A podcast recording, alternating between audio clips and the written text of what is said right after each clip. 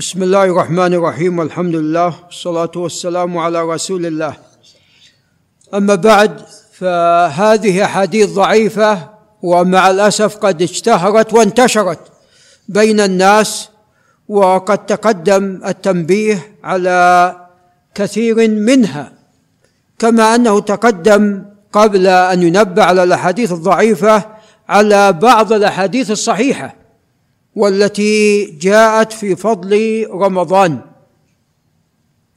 وتقدم أن الأحاديث الصحيحة التي جاءت في ذلك هي على ثلاثة أقسام. قسم جاء في فضل الصيام مطلقا وقسم جاء في فضل رمضان وقسم جاء في فضل بعض الأعمال وأنها عندما تؤدى في رمضان فإن أجرها مضاعف. فمثال على الأول أن الرسول صلى الله عليه وسلم قال كل عمل ابن آدم له إلا الصيام فإنه لي وأنا أجزي به. وجاء في رواية قال الله تعالى فيكون حديثا قدسيا. قال إلا الصيام فإنه لي وأنا أجزي به. هذا في فضل الصيام. مطلق إي مطلقا نعم طبعا هذا قسمناه إلى قسمين. النصوص التي جاءت في فضل صيام الفرض ونصوص جاءت في فضل صيام النافلة ونصوص جمعت. جاءت مطلقة تشمل هذا وذاك. نعم وأما النصوص التي جاءت في فضل رمضان فمثل ذلك ما جاء في الصحيحين في حديث أبي هريرة. أن الرسول صلى الله عليه وسلم قال إذا جاء رمضان فتحت أبواب الجنان وغلقت أبواب النيران وسلسلة الشياطين أو كما قال عليه الصلاة والسلام. وأما بعض الأعمال التي تضاعف في رمضان بخلاف ما لو أديت في غير رمضان. مثل ما جاء في العمرة في الصحيحين حديث ابن عباس أن عمرة في رمضان تعدل حجة. وفي رواية أو حجة معي. وهذه رواية أيضا في الصحيح ولكن الأولى أصح. وتقدم التنبيه على ذلك كله. ثم ذكرت بعض الأحاديث التي اشتهرت بين الناس وهي أحاديث لا تصح. ومنها حديث سلمان الطويل. وفيه أن عن رمضان أن أوله مغفرة. وأوسطه رحمة وآخره عتق من النار. من أدى خصله من خصال الخير كمن أدى فريضة في غيره. ومن أدى فريضة فيه كمن أدى سبعين فريضة في ماذا؟ في غيره. نعم هذا الحديث مشهور جدا وهو حديث لا يصح وقد تقدم التنبيه عليه. ومنها اللهم بارك لنا في رجب وشعبان وبلغنا رمضان. وأيضا هذا لا يصح. ومنها الأحاديث التي جاء فيها أن الرسول صلى الله عليه وسلم كان يبشر أصحابه بقدوم رمضان. ومنها لو يعلم العباد ما رمضان لتمنت أمتي أن يكون السنة كلها رمضان. فقال رجل من خزاعة يا نبي الله حدثنا. فقال إن الجنة لتتزين لرمضان من رأس الحول إلى الحول فإذا كان أول يوم من رمضان هبت ريح من تحت العرش.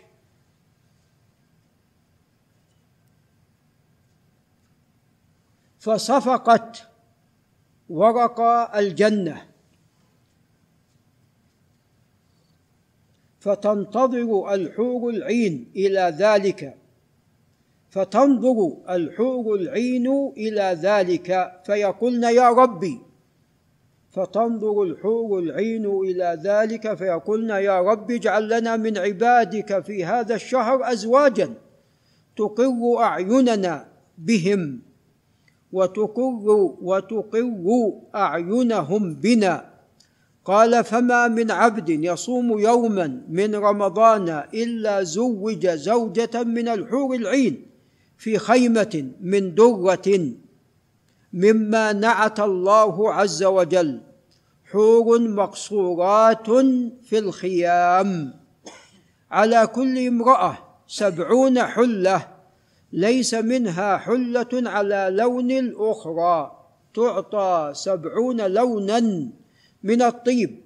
ليس منه لون على ريح الآخر. لكل امرأة منهن سبعون ألف وصيفة لحاجتها. وسبعون ألف وصيف مع كل وصيف صفحة من ذهب.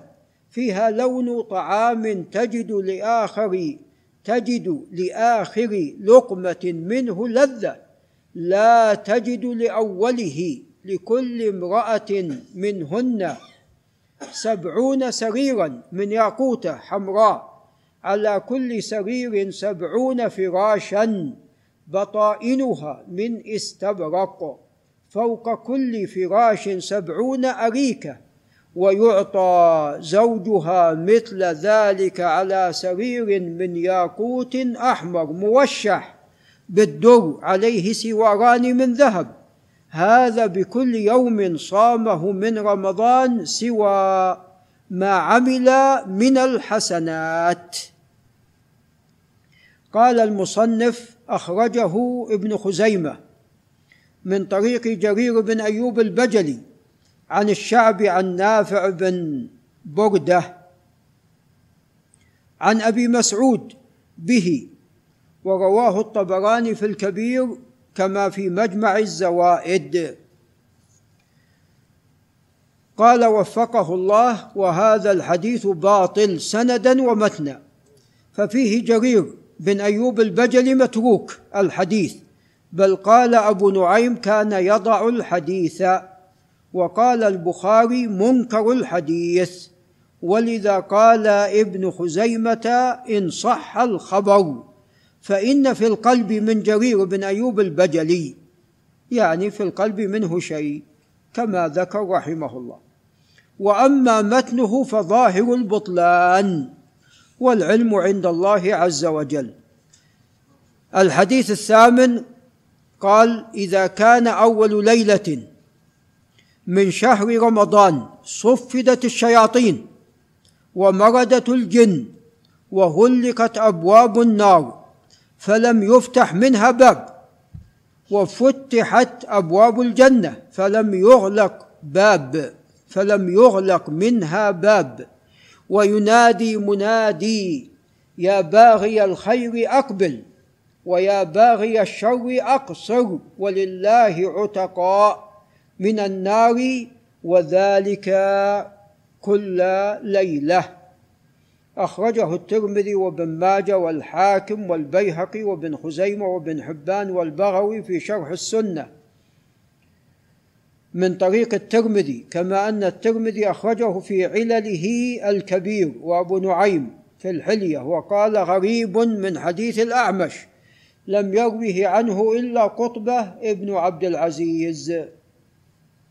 وأخرجه البيهقي في الشعب في شعب الإيمان وفضائل الأوقات.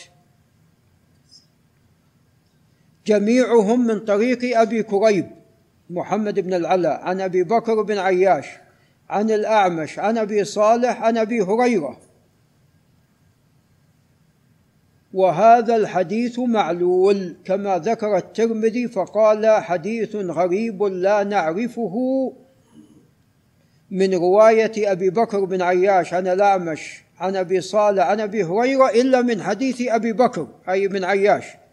ونقل عن البخاري أنه قال بعد أن روى هذا الخبر من طريق أبي الأحوص عن الأعمش عن مجاهد قوله هذا من كلام مجاهد. وهذا قال البخاري عن من عزاه عن إلى مجاهد قال وهذا أصح عندي من حديث أبي بكر من حديث أبي بكر بن عياش. قلت وقد اختلف على أبي بكر بن عياش اختلافا آخر فقد رواه ابن ماجه عن أبي كريب عن أبي بكر عن الأعمش عن سفيان عن جابر. واختلف على الأعمش أيضا اختلافا كثيرا فرواه ابن نمير عنه عن حسين الخراساني عن أبي غالب عن أبي عن أبي أمامة مرفوعا ببعض هذا الخبر. ورواه أحمد عن أبي معاوية عن الأعمش عن أبي صالح عن أبي هريرة أو عن أبي سعيد. شك الأعمش. بلفظ إن لله عتقاء في كل يوم وليلة لكل عبد منهم دعوة مستجابة. قلت وهذا الإسناد الأخير رجاله كلهم ثقات أثبات غير أنه معلول لما تقدم من وقوع الاختلاف الكثير على الأعمش. وأصح ما في هذا الخبر الحديث المتقدم في الصحيحين من حديث أبي هريرة مرفوعا عن رسول الله صلى الله عليه وسلم. إذا دخل شهر رمضان فتحت أبواب السماء وغلقت ابواب جهنم وسلسلة الشياطين وليس فيه مرده الجن ولا ولا أيضا ولله عتقاء من النار وذلك كل ليلة. هذا وبالله تعالى التوفيق ولعل نقف عند هنا.